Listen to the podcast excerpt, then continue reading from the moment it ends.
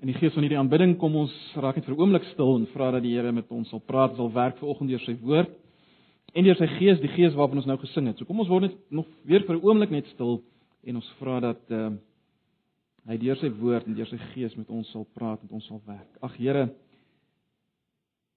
ons nou reeds in die oggend stil geword en vir u gesê dat ons ons harte vir u gee ons emosies, ons gevoel, ons alles wil ons werklik weer aan U wy in hierdie oggend. En nou wil ons vra dat U met ons sal praat deur die woord en deur die werking van U Gees. Here verheerlik U self vanoggend in alles wat hier gaan gebeur. Kom oortuig. Kom bemoedig. Here kom doen U werk en kom doen dit ten spyte van ons swakheid, my eie swakheid, my eie sonde op grond van ons nuwe posisie in U. Asseblief. Ons vra dit in Jesus se naam. Amen. Ons bly volgende na Romeine hoofstuk 6. Ons gaan Romeine 6 in die eerste 6 verse van Romeine 7 lees. So ons wyk vanoggend 'n bietjie af van ons reeks uh, in Hebreërs, uh, want ons het vanoggend nou 'n doopgeleentheid. Ons sal wel weer volgende Sondag voortgaan uh met Hebreërs. Dit gee dalk vir van die selfgroep ook kans om net heeltemal by te kom. Kom ons bly vanoggend aan Romeine 6.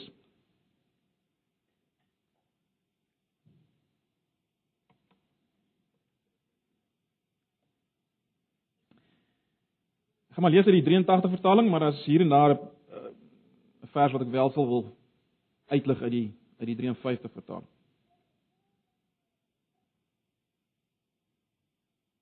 Romeine 6 vers 1 natuurlik sluit uh, 6 vers 1 aan by die vorige vers in in in in hoofstuk 5 uh wat gesê het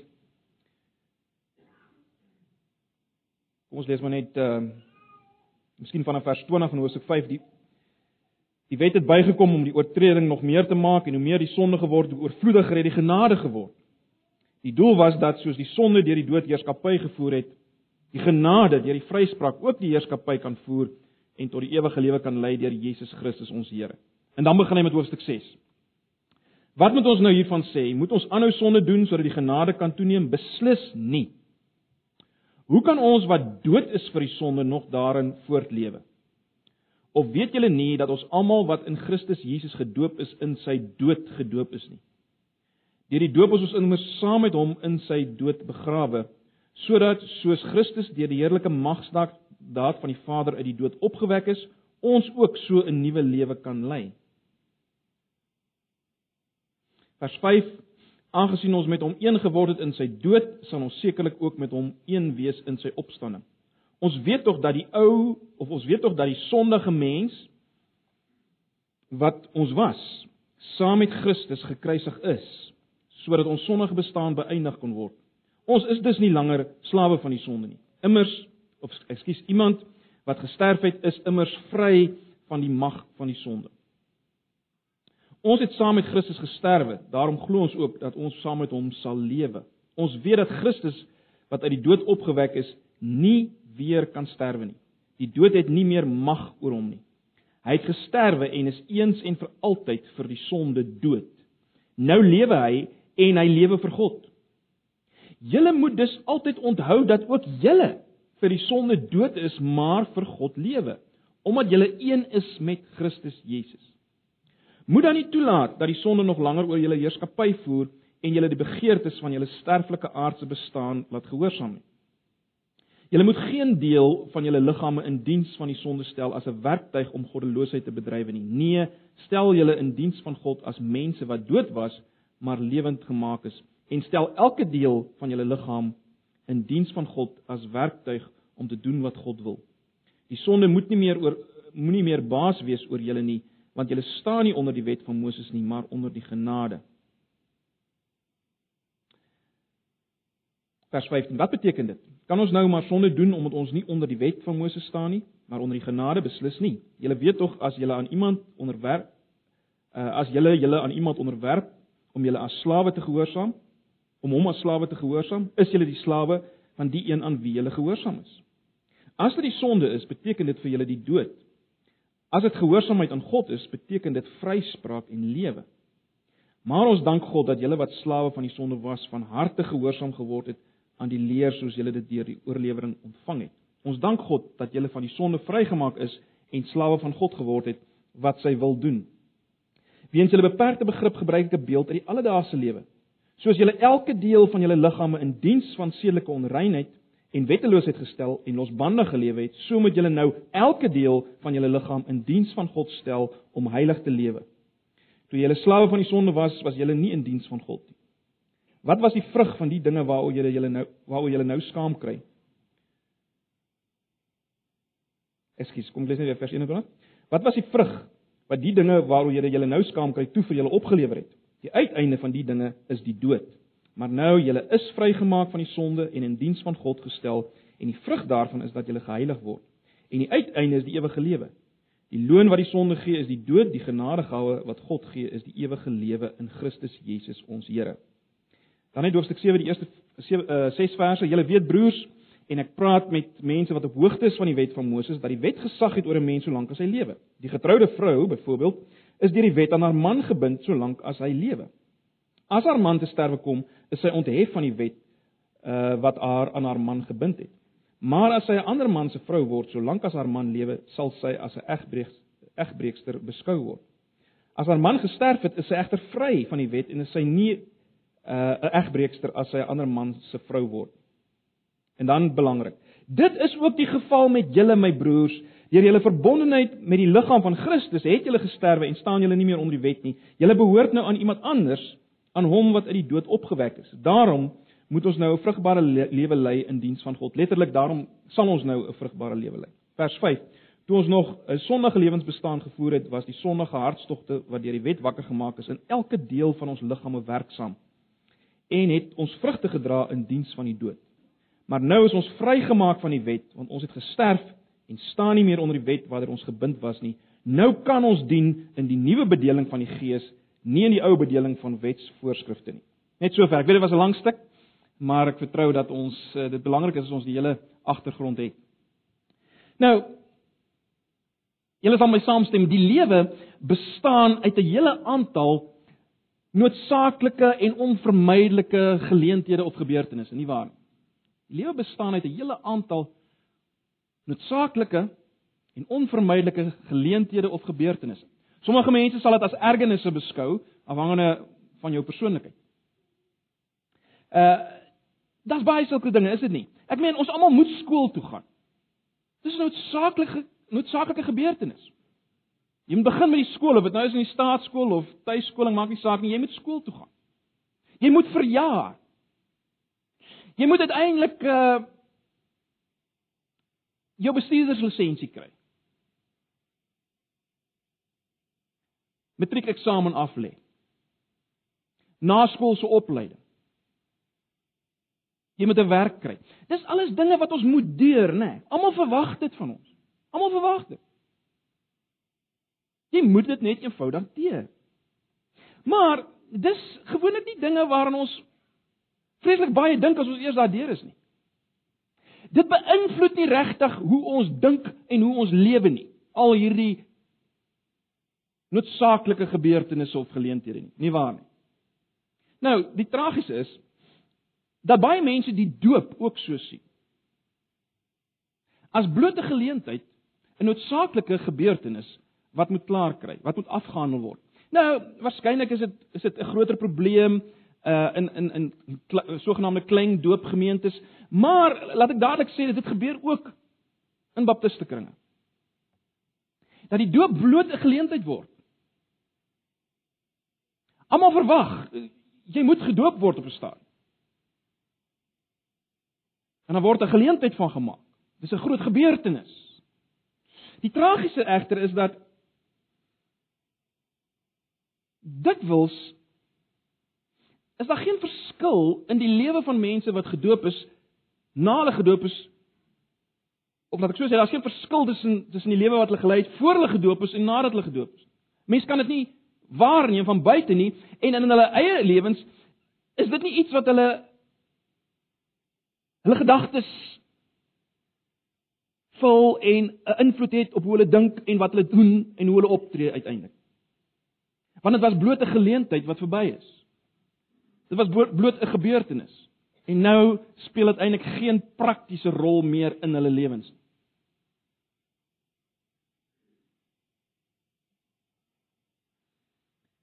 Terug na die onvermydelike noodsaaklikhede van die lewe.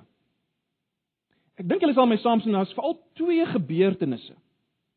Twee geleenthede in die lewe wat bietjie 'n ander klas is as al die ander geleenthede. En die een is 'n sterwe, 'n dood, 'n begrafnis. En die ander een is 'n huwelik. Ander een is 'n huwelik. Ons weet tog broers en susters, vriende, ons weet dat as iemand sterf, kom daar 'n radikale breuk. Ek meen daar's 'n absolute verskil tussen dit wat waar was nou van hierdie persoon en dit wat waar is van hom nadat hy gesterf het. Ek ek ek meen ons weet dit. Jy kan nooit weer terug nie. Dis dis totaal alles is totaal nuut verby as jy gesterf het.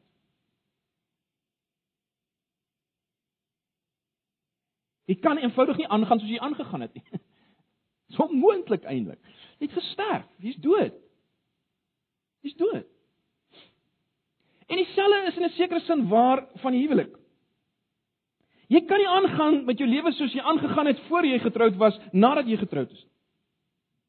Dinge het verander, totaal en al. Jou tydsbesteding moet verander en sal verander. Jou gedrag behoort te verander Laat ons eerlik wees met mekaar vanoggend. Die groot rede vir baie huweliksprobleme is juist die feit dat ons nie besef dat ons nou in 'n radikaal ander verhouding staan nie en dan wil ons nog lewe soos ons sou gelewe het as ons op ons eie was voor ons getroud is. Maar goed, dis nie waarop ons nou wil fokus vanoggend nie. Die punt is dit bring 'n totale verandering in jou lewe, 'n huwelik. So hier's my punt vanoggend. Hier's my punt. Die doop is 'n begrafnis en 'n huwelik. Die doop is 'n begrafnis en 'n huwelik. Niks minder radikaal en lewensveranderend. En as dit nie op hierdie stadium in jou denke hierdie rol inneem nie, of as jy nie so daaroor dink nie, dan dan dink jy verkeerd daaroor. Die doop is 'n begrafnis en 'n huwelik. En dit bring my by Romeine en die gedeelte in hoofstuk 7 wat ek gelees het. En nou wil ek graag hê dat julle sal volg in julle Bybels. Moenie na my luister nie, kyk vir julleself, sien dit self raak. Kom ons gaan hierdeur. Baie baie belangrik. Kom ons kyk net hoe beskryf Paulus die doop in vers 3 en 4 van Romeine 6. Vers 3 en 4 van Romeine 6. Of weet julle nie dat ons almal wat in Christus Jesus gedoop is in sy dood gedoop is nie? Dis vers 3. En dan vers 4. Ons is dus saam met hom begrawe deur die doop in die dood. Ek dink dit is baie duidelik, is dit nie? Die doop is 'n begrafnis, dis 'n dood.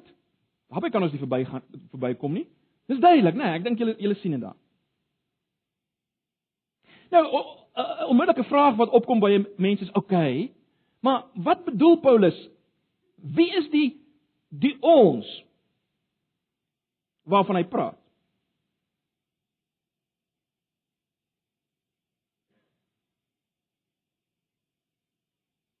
Wie is regtig begrawe in die dood? By die doop. Wie is dit? Wel, Paulus gee die antwoord op hierdie vraag: Wie is die ons of die jy dan? In Romeine 6 vers 6a, as hy sê aangesien ons dit weet dat ons oue mens saam gekruisig is. So hy gebruik maar net 'n ander term term hier, hy gebruik die term kruisig, maar dit kom neer op dieselfde ding, die dood, né? Nee, sterwe. En hy sê hier, wel die een wat begrawe is, wat dood is, is die oue mens. As jy 83 vertaling het, is dit soos dit sal vertaal word, die oue mens as jy 'n 1953 vertaling het, of ekskuus, andersom, né? Nee. Die nuwe vertaling praat van die ou sondige mens, die 53 vertaling praat van die ou mens. So die ou mens of die ou sondige mens. Nou, baie belangrik, hierdie ou mens of ou sondige mens waarvan Paulus praat, in vers 6a, ou sondige mens of die ou mens Dit verwys nie net na een helfte van 'n uh, gesplete persoonlikheid nie. Dit verwys ook nie na 'n sogenaamde materiële deel van ons teenoor 'n geestelike deel van ons nie. Baie mense sien dit so. Nee. Hierdie ou mens of die ou sondige mens waarvan die 83 vertaling praat, is die hele ons of die hele jy soos jy gebore word. Dis die mens as jy wil, die mens in Adam. Uh ongelukkig het ons ons nie vanoggend tyd nie, maar as jy nou teruggaan na Romeine 5 vanaf vers 12 en verder, uh maak dit baie duidelik dat ons almal in 'n sekere sin in Adam is. As jy gebore word, is jy in Adam. Dis die mens as jy wil buite die gees van God. Dis die persoon wat nog nie die gees van God het nie. Uh maar dis die mens wie jy is as jy gebore word. Van nature is ons in Adam. En dis daardie ou mens of ou sondige mens, soos die nuwe vertaling dit vertaal, wat volgens Paulus dood is. As jy gedoop is, sê Paulus, is daai mens dood. Dis nie ek wat so sê nie, dis hy wat so sê. Hy's dood. Baie belangrik, wat kenmerk die mens wat gebore word, die mens in Adam? Wel, in die eerste plek weet ons daardie mens dra die skuld van Adam. Of jy daarvan hou of nie, Adam het jou verteenwoordig as verteenwoordiger van die mensdom en jy dra ook sy skuld. Jy is skuldig omdat hy skuldig staan voor God. As jy nie daarvan hou nie, dan sal jy ook nie hou van wat ons nou net gaan sien nie. Dan gaan jy ook nie daarvan hou dat jy gered word deur iemand anders se lewe nie. As jy nie daarvan hou dat jy skuldig staan aan Adam se sonde. So in die eerste plek hierdie ou mens is 'n mens wat skuldig staan aan Adam se sonde, maar dis nie al nie. Hierdie mens doen self sonde. Paulus in vers 13 uh, in vers 12 en 13 van hoofstuk 6 kyk terug na na wat ons was voordat hierdie dood plaasgevind het by die doop. Kyk 'n bietjie daarna, dan sien ons hoe lyk hierdie ou mens. So hy kyk terug en dan sê hy: "Moet dan nie toelaat dat die sonde nog langer oor julle heerskappy voer en julle die begeertes van julle sterflike aardse bestaan laat gehoorsaam nie." Vers 13: "Julle moet geen deel van julle liggaam in diens van die sonde stel as 'n werktuig om goddeloosheid te bedryf nie. Nee, stel julle in diens van God as mense wat dood was, maar lewend gemaak is en stel elke deel van julle liggaam in diens van God as werktuig om te doen wat God wil." So hier is baie duidelik uh hoe lyk die ou mens, né? Nee? Hierdie ou mens of die ou sondige mens waarvan Paulus praat met al sy liggaamsdele, ore, oë, mond, hande, voete, alles. Hierdie ou mens was volgens Paulus om die beeld te gebruik, die troon van sonde. sien julle dit in vers 12? Hy sê die sonde moenie meer in julle heerskappy voer nie. Onthou hy kyk terug, so die implikasie is die sonde het in hierdie ou mens wat julle was, die sonde het daai heerskappy gevoer. So om die beeld te gebruik, hierdie ou mens was as te ware die die die troon van sonde. Sonde het daar gesit in in in en en geheers in hierdie ou mens, die ou sondige mens, wat elkeen van ons is as ons gebore word. Hoe het hierdie ou sondig uh, of, of althans hoe het hoe het sonde regeer in hierdie ou mens? Wel deur begeertes, né? Nee, deur begeertes. Julle sal dit sien. Moet dan nie toelaat dat die sonde nog langer oor julle heerskappy voer en julle die begeertes van julle sterflike aardse bestaan laat gehoorsaam. So begeertes was die manier waarop sonde regeer in die ou mens. Let wel, begeertes wat nie in sigself verkeerd is nie. Begeertes wat God daar in ons gesit het vir ons gemaak het. Goeie begeertes. Maar wat nou gebeur in die ou mens? Sonde neem daai begeertes gevange. En dan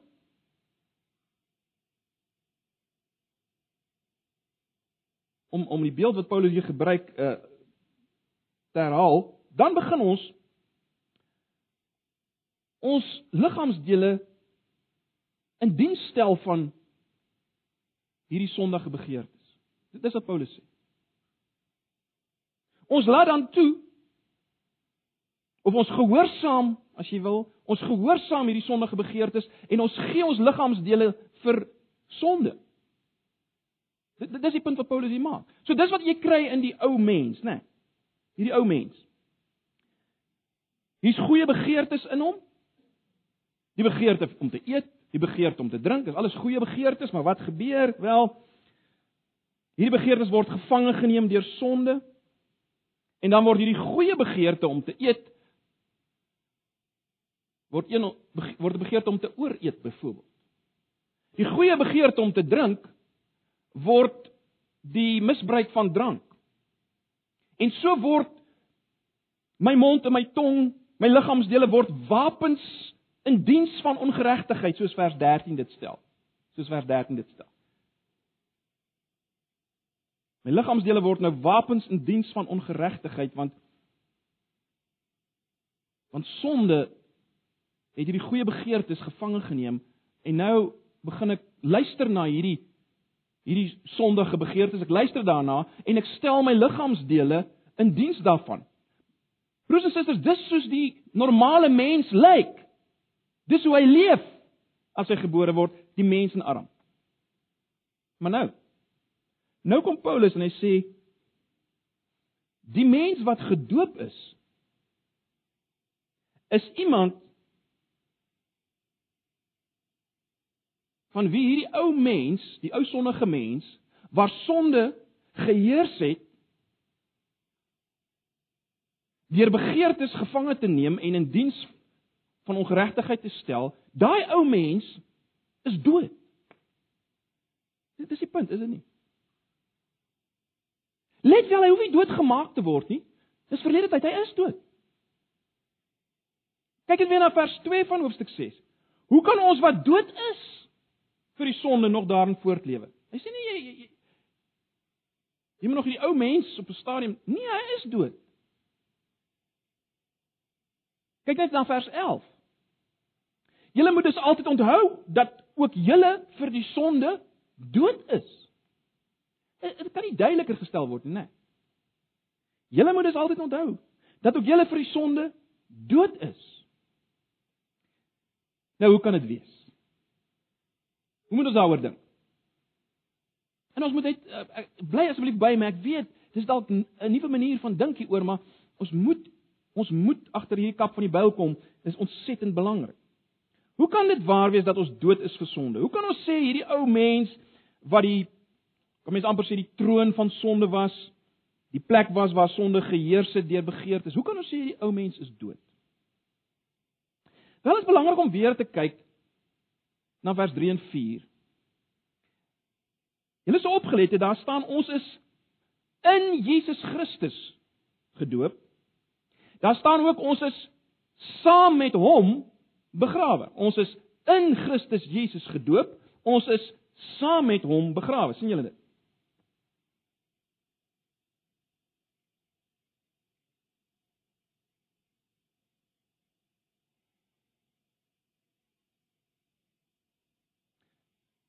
In vers 6 word dit eksplisiet so gestel: Ons weet tog dat die sondige mens wat ons was, saam met Christus gekruisig is. sien julle dit? Vers 6. Ons weet tog dat die sondige mens wat ons was saam met Christus gekruisig is. So die punt is dit broers en susters, die die punt is dit met die met die doop volgens Paulus hier met die doop gebeur met ons wat met Jesus Christus gebeur het. Dit wat beskryf word van Jesus in vers 7 tot 10 gebeur met ons. Kyk net weer na vers 7 tot 10. Daar word beskryf ehm uh, wat met Jesus gebeur het. Ons lees van vers 7 af. Iemand wat gesterf het, is immers vry van die mag van die sonde. Ons het saam met Christus gesterwe, daarom glo ons ook dat ons saam met hom sal lewe. Dan baie belangrik vers 9. Ons weet dat Christus wat uit die dood opgewek is, nie weer kan sterwe nie. Die dood het nie meer mag oor hom nie. Vers 10. Onthou nou hy praat van Jesus in vers 10. Hy, dis nou Jesus, het gesterwe en is eens en vir altyd vir die sonde dood. So veral aan vers 9 en 10 baie belangrik, wys hy wat het met Jesus gebeur. Wat het met Jesus gebeur? Wel, Sonde vereis die dood. Eh, vers 23 sê dit, né, die loon van die sonde is die dood. Dit, dit lei tot die dood.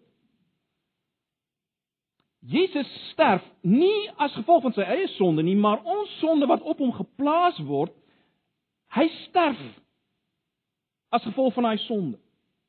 Vir daardie sonde. Nie syne nie, maar ons nie. Om dit eenvoudig te stel, daar was sonde op hom geplaas en daarom moes hy sterf. God moes hom laat sterf want sonde, die loon van sonde is die dood. So God kyk na Jesus en hy sien ons sonde en hy en Jesus moet sterf. Die punt is toe hy klaar gesterf het, toe hy vry van daai sonde. Toe is dit weg. Om die waarheid te sê, hy het opgestaan en hy leef nou vir God, sê sê vers 19. So hy's klaar met sonde, stem julle saam? Hy's klaar. Jesus is klaar. Hy hoef nie weer te sterf nie. Hy het eenmaal gesterf, hy het klaar gesterf, hy's klaar met sonde. Sonde het niks meer met Jesus te maak nie. Sonde het niks meer met Jesus te maak. Stem julle saam?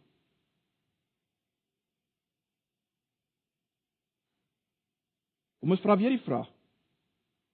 Wat beteken dit as ons sê ons is dood vir die sonde? Wel, die punt is ons is dood vir sonde in die sin dat die ou mens wat ons was waaroor ons nou gepraat het, daardie ou mens was as te ware in Jesus Christus toe hy gesterf het.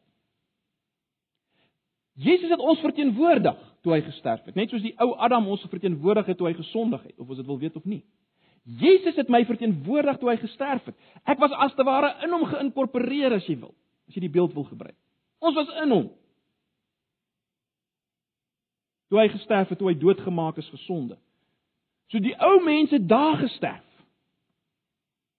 Toe Jesus gesterf het. Maar die punt is wat Paulus maak, ons het ook opgestaan.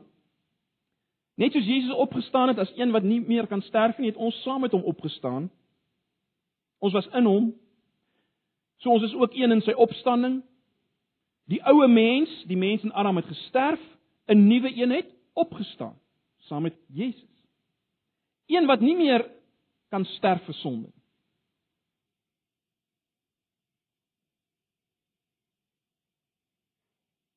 En daarom is ons klaar met sonde. Daarom is ons klaar met sonde, dood vir sonde soos soos Romeine 6 dit stel. Die mens wat opgestaan het, is 'n nuwe mens. Hy het klaar gesterf vir die straf wat sonde bring. Sonde het niks meer te maak met hierdie nuwe mens nie. Hoor ons dit? Weet dit klink vir jou vreemd, maar dis wat hier staan, is dit nie? Dis wat hier staan. Sonde het geen reg meer op hierdie nuwe mens nie. Kom ek kom ek probeer dit so verduidelik. As sonde by wyse van spreuke by die ou mens kom, dan sien jy 'n lijk. Wie lê die lijk? So sonde kan hy kan nie meer werk in hierdie mens want hy's 'n lijk. So uit sonde se perspektief, as sonde as te ware kyk na hierdie nuwe mens, dan sien hy wel die, die ou mens ek geheers het, hy's dood. Hier's 'n nuwe een. En uit ons perspektief as ons kyk na sonde, wel, ons is nou in die posisie waar Christus is. Ons is klaar met sonde. Dit het niks meer met ons te maak nie. Sonde is uit ons perspektief ook dood. Dis die taal wat Romeine 6 gebruik. Sonde uit ons perspektief is ook dood want ons het saam met Jesus opgestaan. Nou. Ek weet julle dink nou by julleself, okay Jakobus. Dis nou dit klink baie goed, maar is dit nie Is dit nou nie wensdenkery nie? Bluf ons onsself nie as ons so praat nie. Eh, ek is 'n gedoopte, maar ek beleef net op my woorde, ek beleef nie dat sonde dood is in my nie. Ek beleef dat sonde nog springlewendig is. Nou, baie belangrik. Wat hier gesê word oor die ou mens en oor sonde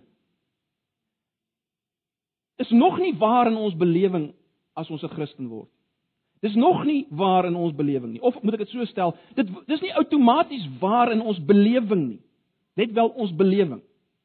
Kom ek probeer 'n voorbeeld gebruik om dit dalk net bietjie te verduidelik. Kyk. Daar was 'n dag of miskien ten minste 'n tydperk waar die Tweede Wêreldoorlog verby was. Miskien in Europa was dit op 8 Mei 1945 verby toe toe Duitsland oorgegee het. Vir Rusland was dit so die 9de en dan in die ooste later, maar goed, daar was dit ten minste 'n jaar wat die oorlog verby was. Die Tweede Wêreldoorlog.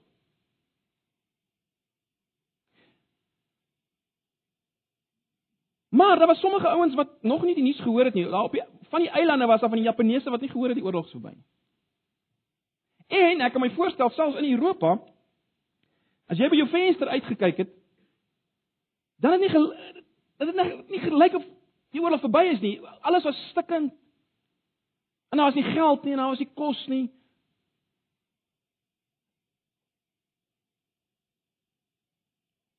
So jou belewing was anders geweest. Jou belewing was nie altyd dat dit verby was nie. Maar jy moes begin leef in die lig daarvan. Dit dit was verby. Die oorlog was verby. Nou. Iets daarvan is is is dieselfde hier in ons geval. Jy is dood. Uit God se perspektief is jy dood. Dis die kom ek noem dit om dit om die woord te gebruik, die wesenswaarheid oor oor jou as Christen. Jy's dood vir sonde. En nou is die die uitdaging om dit te vat in die geloof en toe te laat dat dit in die praktyk van jou lewe 'n werklikheid word. Net soos die ouens na die Tweede Wêreldoorlog se einde moes begin leef as mense wat nou in vryheid geleef het, waarvan die oorlog verby was. Nee, die oorlog was verby. En dis die punt van vers 11. Kyk weer na vers 11. Romeine 6 vers 11. Ek gaan dit sommer in al twee vertalings lees. Die die 83 vertaling lees so: Julle moet dus altyd onthou dat ook julle vir die sonde dood is, maar vir God lewe omdat julle een is met Christus Jesus. Kom ek lees net die 53 vertaling. So moet julle ook reken dat julle wel vir die sonde dood is, maar lewend is vir God in Christus Jesus ons Here. sien julle wat sê Paulus? Hy sê dan moet dan moet iets in julle gedagtes plaasvind. Hier het ons te maak met 'n vrywillige denkproses. 'n Vrywillige denkproses. Sê vir jouself dis wat waar is van my. En, en baie belangrik. Jy kan nie met sonde as te ware slaags raak as ek dit so kan stel as jy nie hier begin nie. Jy moet eers nie dink oor jouself. Jy moet iets reken dat iets waar is van jou. Jy moet iets ag as waar van jou. Dit wat vers 10 sê. Kyk net weer na vers 10. Hier word gepraat van Jesus. Hy het gesterwe en is eens en vir altyd vir die sonde dood. Nou lewe hy en hy lewe vir God. Vers 10 van Romeine 6.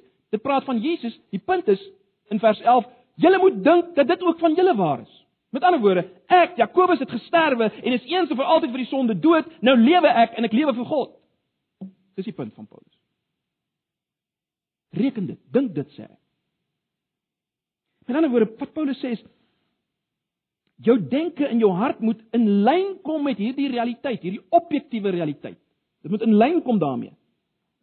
Bring jou denke in lyn met die feit dat Christus vir jou gesterf het en dat jy saam met hom gesterf. Jy het saam met hom opgestaan in 'n nuwe nuwe lewe. Gryp dit vas, gryp hierdie realiteit vas. Verwelkom dit, omhels dit, as die kosbaarste ding wat jy het. Dis jou nuwe identiteit. As Christen is dit jou nuwe identiteit. Gryp dit vas. Omhels dit. En nou is jy reg om met die sonde slaags te raak. Nee. Baie belangrik, ons begin nie net en sê nee nee, ek mag nie dit doen nie. Ek ek mag nie so Nee. Ek begin eers met die nuwe waarheid oor myself en dan kan ek nee sê vir sonde. Moenie net nee sê nie. Dink eers wie jy nou is en dan sê jy nee. Baie baie belangrik. So. As sonde as te ware na jou toe kom om die beeld te gebruik.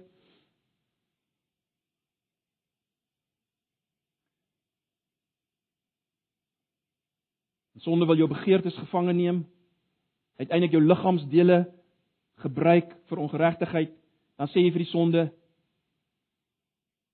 Die ou mens is dood. Hier sit iemand anders op die troon en ek verkies die nuwe een wat op die troon sit.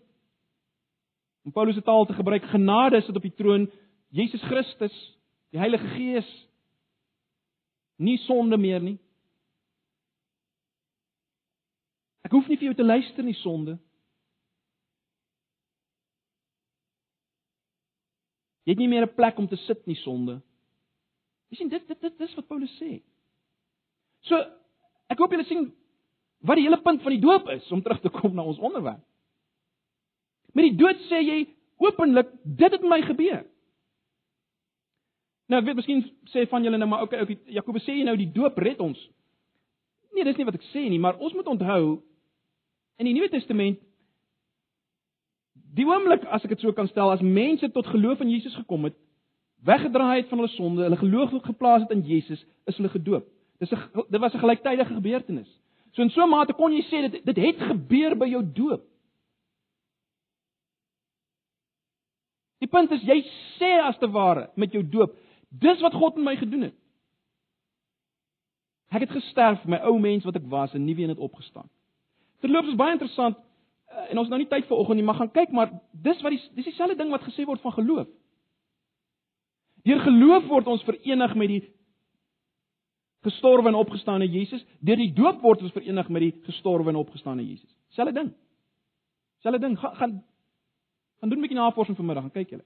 Wat van die geloof gesê word, word van die doop gesê. Die punt is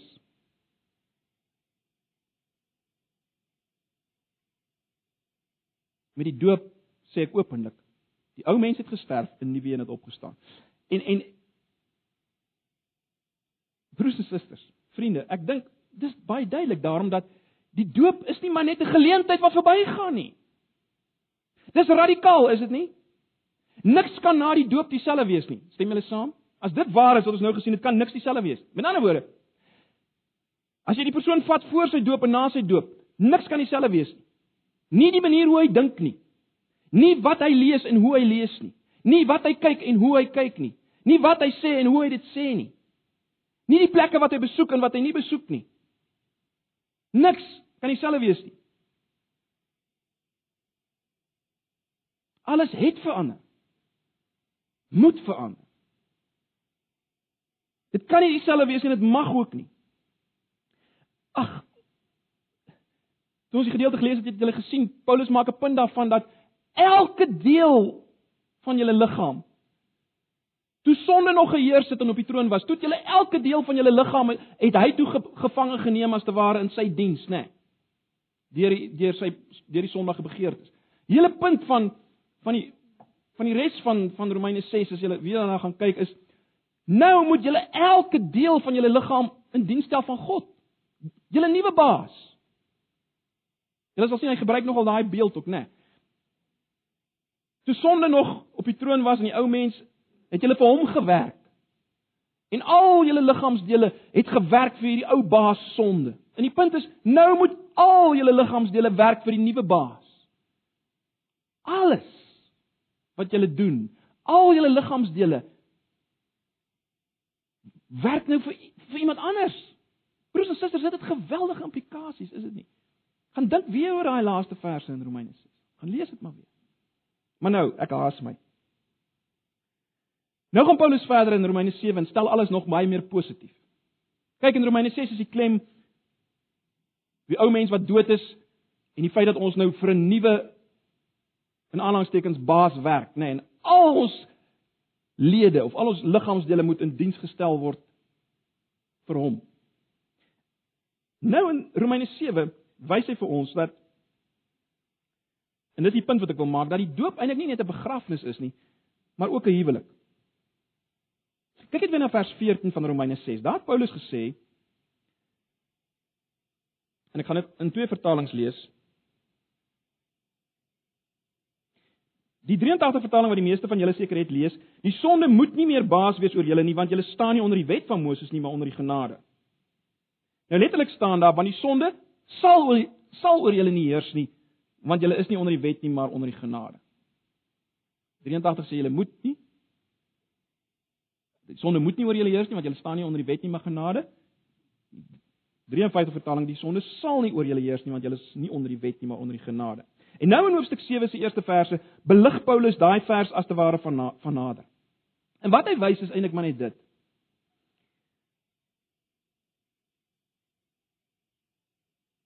Kom wys Ons staan nie meer in 'n huwelik met die wet nie.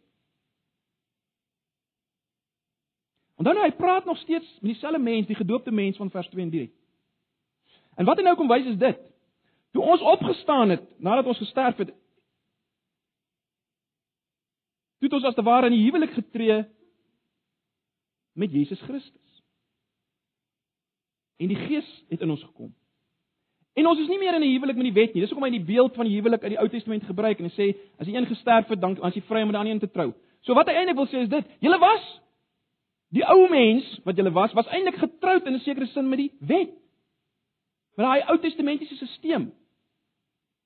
Om vir ons makliker te maak, jy het volgens reëls en regulasies geleef. Ek mag nie dit doen nie. Ek wil eintlik dit doen, maar nou mag ek dit nie doen nie. Nou moet ek maar dit doen. Ek wil dit nie eintlik nie, maar ek moet. Hy sê dis verby. Julle is nie getroud meer met die wet nie. Julle is nou getroud met Christus Jesus. En let wel, toe julle getroud was met die wet, kon julle nie vrug vir God dra nie. Het julle dit gesien? Julle kon nie vrug vir God dra nie.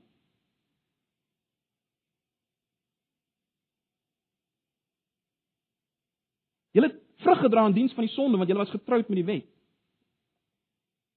Soos jy lewe leef van moeds en moenies wat jy nie aan die wil doen nie, maar jy moet dit doen, dan dan kan jy nie vrug dra vir God nie. Nou kom Paulus en hy sê Nee. Dis verby. Julle is nou getroud met Jesus Christus en nou kan julle vir God vrug dra.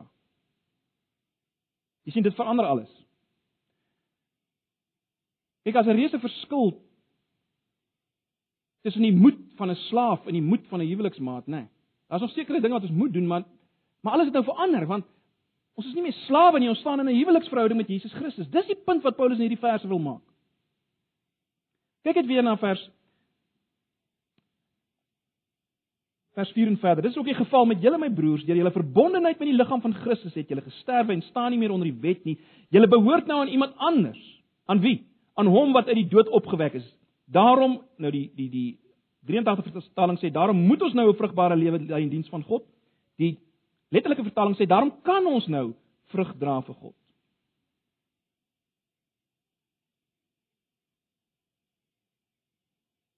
Kyk na vers 6, maar nou is ons vrygemaak van die wet want ons het gesterf en staan nie meer onder die wet waarin ons gebind was nie. Nou kan ons dien in die nuwe bedeling van die Gees, nie in die ou bedeling van wetsvoorskrif nie. Broers en susters, sonder om daarop uit te brei. Dis die punt. Die ou mens het gesterf, dis die beeld wat Paulus gebruik in Romeine 6. 'n Nuwe mens het opgestaan, maar daai nuwe mens staan ook nou in 'n in 'n radikaal ander verhouding, 'n huweliksverhouding met Jesus Christus. Nie 'n lewe van moeds en moenies nie. 'n Lewe in verbintenis met Jesus waar jou wil verander, jou begeertes verander. Jy's in 'n huwelik met Christus. Kom ek sluit af net met 'n paar implikasies. Ek weet ons tyd stap aan. Wat is die implikasies van dit wat ons vanoggend gesien het? Wel, in die eerste plek dink ek sal julle met my saamstem, 'n gedoopte wat nie sonde haat nie, is 'n teenstrydigheid. As jy vanoggend hier sit as 'n gedoopte en jy haat nie sonde nie, is dit in stryd met alles wat ons nou gesien het. Dis die eerste ding wat ons moet vat. Tweede plek. 'n Gedoopte wat nie met Jesus Christus behep is nie, is 'n teenstrydigheid. Dis 'n teenstrydigheid. Dit is maar net vir jou 'n geleentheid.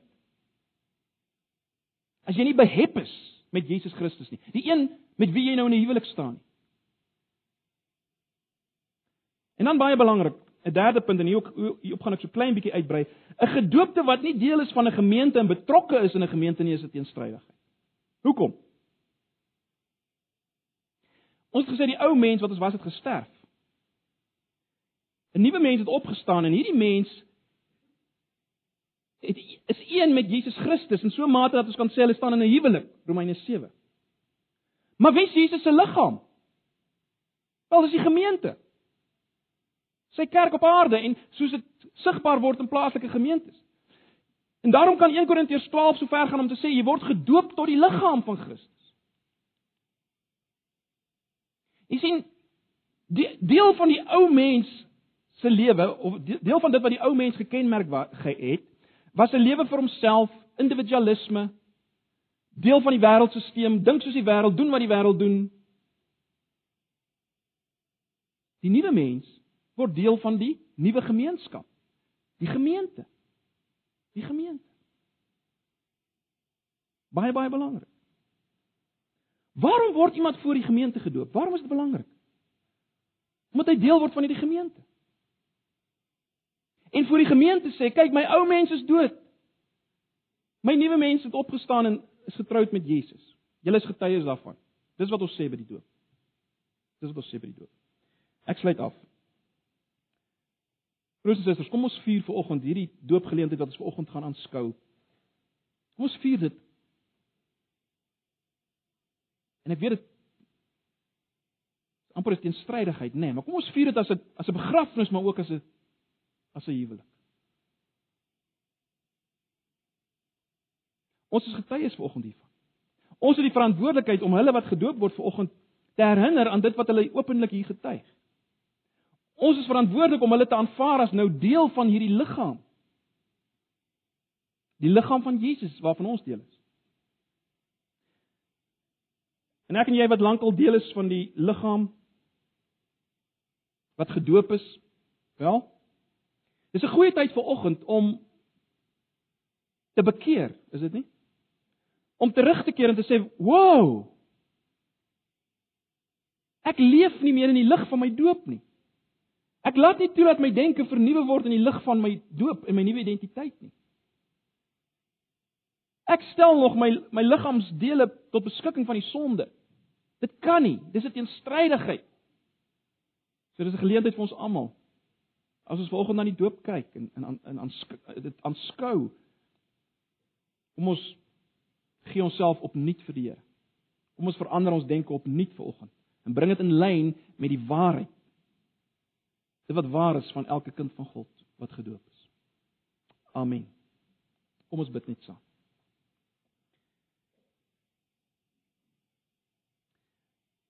Here, dankie vir u woord. Dankie vir hierdie ontsaglike waarheid wat ons hier kry. My gebed is vir myself en vir elkeen wat vanoggend hier is en ook dan spesifiek vir hulle wat vanoggend gedoop word. Here dat U ons die genade sal gee om om op 'n nuwe manier te dink oor onsself.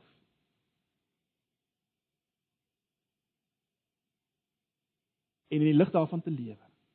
Asseblief. Here, ek wil saam met my broers en susters kom bely en erken dat dit dikwels nie die geval is nie. Dat ons dikwels 'n houding inneem van ag wat ons moet maar sondig. Ag Here, help ons op 'n oggend te hoor, ons hoef nie meer te sondig. Die ou mens is dood. Ons hoef nie ja te sê vir sonde nie. Ons kan nee sê. Help ons Here. Maak ons oë oop daarvoor. Asseblief. Ons vra dit in Jesus se naam. Amen.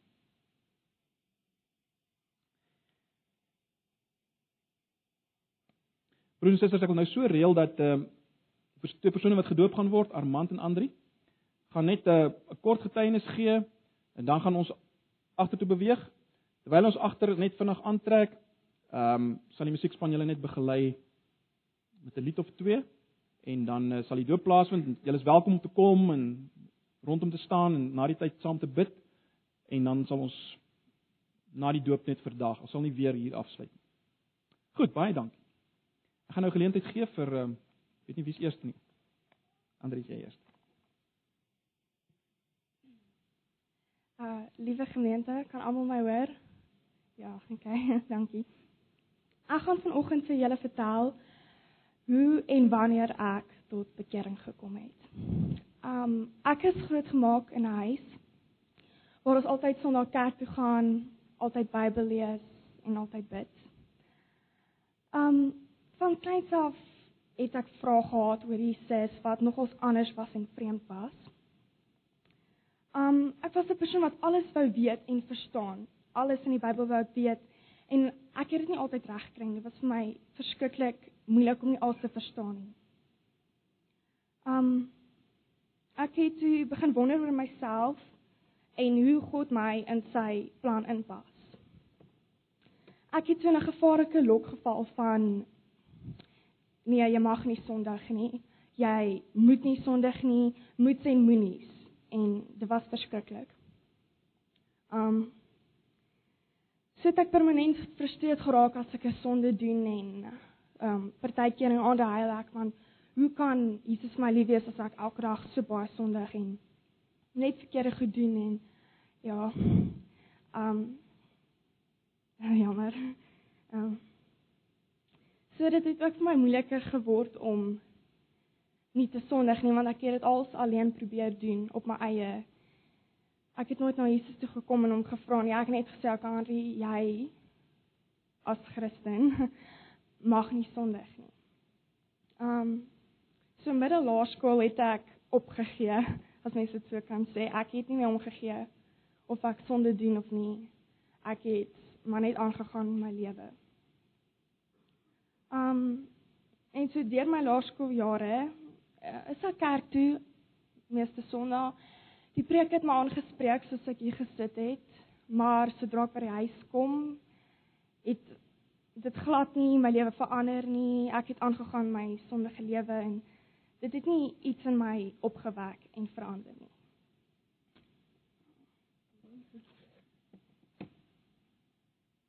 En uh, toe ek graad 9 was, het Pernay my gevra of ek so kursus met haar wil doen um om die Bybel deur te lees in 'n jaar. En ek dink toe so dis 'n groot boek om dit in 'n jaar deur te lees, maar um dit gaan baie tyd vat, maar ek dink toe nee, ek gaan dit doen want um om dit te kan doen gaan ek 'n 'n beter Christen wees. En daardie persepsie van my was heeltemal verkeerd of jy die Bybel deurlees of nie, dit maak nie van jou 'n 'n beter Christen nie. Um en toe aan die begin van hierdie jaar het ek besef dit gee nie om of jy die Bybel deurgelees het of hoeveel en of jy glad nie het, dit maak jou nie 'n beter Christen nie. Dit gee nie om of jy sukkel met sonde nie. Dit gee nie om of jy vra iets wat jy nie, nie verstaan nie, want ek dink nie almal verstaan ook als nie. Dit gee nie om of jy nog nie weet weet hoe jy inpas in God se plan nie en of jy wonder oor die wie is ek nou regtig dit dit maak nie saak vir God nie. Um ek het ook toe tot 'n besef gekom daar is nie iets soos 'n 'n beter Christen in God se oë nie. Jy is 'n Christen of of jy is nie 'n Christen nie. Uh en so het ek aan die begin van hierdie graad 10 jaar tot bekering gekom in Christus. En ek het hierdie behoefte gekry om my te laat doop. Um iets wat ek geglo het, nou ek eers sal doen as ek getroud is en ek nog kinders gaan hê want nee, dan is ek groot genoeg om dit te kan doen. En dit was heeltemal 'n verkeerde denkwyse wat ek gehad het. Want um mens weet nooit wanneer die Here jou na hom toe roep nie. Mens weet nooit wanneer hierdie goed gebeur nie. So dit help jy sit vir jou 'n sperdatum op. OK, ek lewe nou maar lekker en dan sodra ek 30 word of 40, dan draai ek my lewe om. So het die Here my aan die begin van hierdie jaar na hom toe geroep. En ek het agtergekom hy definitief 'n plan my lewe gehad. Um hy het al so baie in my lewe gedoen, maar al so baie gered. En ek het net besef hy's baie lief vir my. En ek wil net vir julle sê um dat ek glo in Jesus, die seun van God wat vir my en ons almal se sondes gesterf het sodat ons die ewige lewe kan hê. En dis 'n onbeskryflike, onverdiende, ongelooflike groot uh, as ek al jammer. Okay, wag, wat was ek? Ehm um, ek wil net sê dit dit is 'n onverdiende onbeskryflike groot genade en liefde wat ons ontvang het en dat die ou Andri ehm um, dood is en die nuwe lewendig. Amper ek glo. Ehm um, en ek wil net sê dat ek kan julle verseker dat God lief is vir elkeen van julle en vir my of julle vol sonde is en of jy sukkel om jouself te ontdek in God. En ek gee nie om dit is geen om baie sonde jy het nie, want dit is moeilik om nie te sondig nie. Ek gee nie om of jy minimaal sonde doen nie. Dit gee glad nie om nie. Hy is lief vir julle net soos wat julle is. En eendag sal ons altyd ons verstaan. En dis kan wil ek net sê um dat uh Jesus is my redder en ek is so lief vir hom. En ek is bly vir wat hy vir my gedoen het in my lewe en hy het regtig vir my 'n wonderlike lewe gegee. Um en dan wil ek net die laaste versie lees. Ja. Okay, Psalm 73 vers 26. Uh, jammer. Al is ek afgetakel in liggaam en gees, dankie. Okay, um, al is ek afgetakel in liggaam en gees, God is my sterkte, aan hom behoort ek vir altyd. Dankie. Môre almal, um ek wil my um, toespraak of blydenis begin met 'n vers uh Romeine 8 vers 28. Ons weet dat God alles ten goeie laat meewerk vir die wat hom liefhet, die wat volgens sy besluit geroep is. Ja, ek dink dit is nou verstaan ek maar daai vers lees. Um ek het ook altyd in 'n huis groot geword waar ons Bybelstudie doen, bid, daai el, elke Sondag kerk toe gaan en maar ek het uh meer geslaap in die kerk as wat ek geluister het. En uh ja, ek het die Bybelliedjies maar net gesing en nie eintlik dink oor wat ek sing en wat ek sê nie. Um en ek het nooit regtig verstaan wat dit beteken om 'n Christen te wees en hoe dit is ja, hoe dit werk. Nie. Maar ja, twee jaar terug toe speel ek rugby teen Grey en daai man is groot, wat beteken my. So toe breek ek my sleutelbeen en ehm um, en ek ek het verstaan wat moet gebeur nie want ek wou graag soos eers span rugby vir Boerdag gespeel het en afies geklop het hopelik. Maar ja, dit gebeur nie hartlik nie. Um, ja, so ek het gewonder hoekom dit moes gebeur en hoekom moes ek my sleutelbeen breek? Ek het geen punt aan gesien nie. Ek het nie enigiets goed aan gesien nie. Um, en ja, ek het toe 'n liedjie geluister wat ek graag wil speel, maar dink jy die speaker werk nou of die ding werk nie, maar ja, as jy tyd kry, gaan luister net na 'n liedjie asbief is um Casting Crowns already there. Is die liedjie se naam en die woorde is ons gepas. Dit sê basically um dat um die ou sing en dan sê hy one day I'll stand before you and look back at the life I've lived. I can't wait to enjoy the view and see how all the pieces fit. En um ja, so ek het begin draf en alles om fiks te bly vir vir lekkerte en ek begin atletiek doen. En uh toe het my gelei om vriende te raak met uh, um ou wat jaar ouer is ek is nou ook baie gedoen aan atletiek Tati. En um hy het my nader en nader aan die Here gebring, maar ja, verlede jaar het ek 'n rowwe lewe gelewe. Ek het nie ek het nie reg gehad nie so Christelike lewe nie. Ek het op baie kuiers toe gegaan en 'n normale wêreldse tiener lewe geleef en maar net nie omgegee oor môre nie en maar net ja net niks oor omgegee nie. En ek het self op 'n self stadium al ek het besluit dat ek wil niks te doen hê met Christendom nie. Ek geen om weet nie, dit is net stupid en geen om vir gal of iemand te gaan nie. Net besluit nie ek geen om weet nie. En ehm um, maar hy vind dat hy het my nog steeds aangehou en wou na praise and worship toe en by sy kerk en ja, stadig maar seker die Here begin werk in my hart. En ehm um, ja, en toe laaste jaar Desember in vakansie het ek my ehm um, eerste ware liefde ontmoet.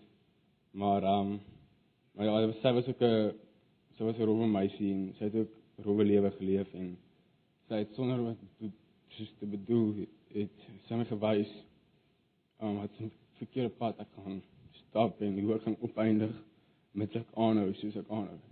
En hoe ek ja, hoe ek gaan opeindig as ek aanhou lewe soos ek toegelewe het. En ehm um, ja, ek dink ek het een oggend het ek ek kon net nie slaap nie. Ek het so 3 uur oggend wakker geword en dis vir 2 ure gebid en vir Here gevra my te help en my verander want uh, en dit sou so reg goed op eindig het as ek aangehou het aangehou het nie. Ehm um, Dit ja, sê ek vir ek is sondaar en hy het my help en ek kan nie sonder op nie. En toe jy verstaan ek ook dat ehm um, maar Christens wees ook 'n verhouding te hê met God. En ja, toe het ek besluit geneem om nou om my lewe te verander. En dit was moeilik in die begin want ja, dit was baie was baie verandering wat moes plaasvind. En ja, soos ja, ek was begin van hierdie jaar wat nou ek daai besluit geneem het en ver is hierdie jaar daar soveel beter as enige ander jaar wat ek ooit gelewe het. Um en dit is net soveel lekkerder jaar en beter jaar en alles gaan soveel beter. En ek voel nou asof ek actually doel op die aarde het. En nou asof ek en asof ek asof ek iets beteken op die aarde. En ja, so ek wil net vir u ook wel nou deur pyn swaar kry gaan. Nou pyn swaar kry gaan om net vir hulle net vir hulle herinner dat God God is al Jammer. God is al wetende God wat elke liewe stukkie van jou legkaart van jou lewe ken en hy weet presies om jou legkaart van jou lewe te bou. Hy weet presies wat gebeur in jou lewe. 10 jaar, 5 sekondes. Hy weet presies. So hy het dit hoe vir alles en hy weet alles.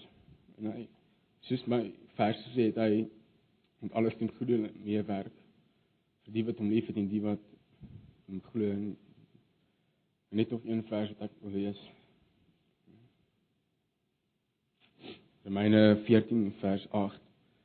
En ek dink hierdie vers toe so baie gepas in my lewe want dit is die rede hoekom ek lewe. As ons lewe, leef ons tot, tot eer van die Here en as ons sterwe, sterf ons tot eer van die Here.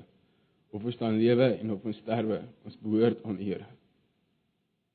So ja, dis so ek tot by kering gekom het en ek is baie dankbaar dat ek so vroeg ouderdom gereed kon word.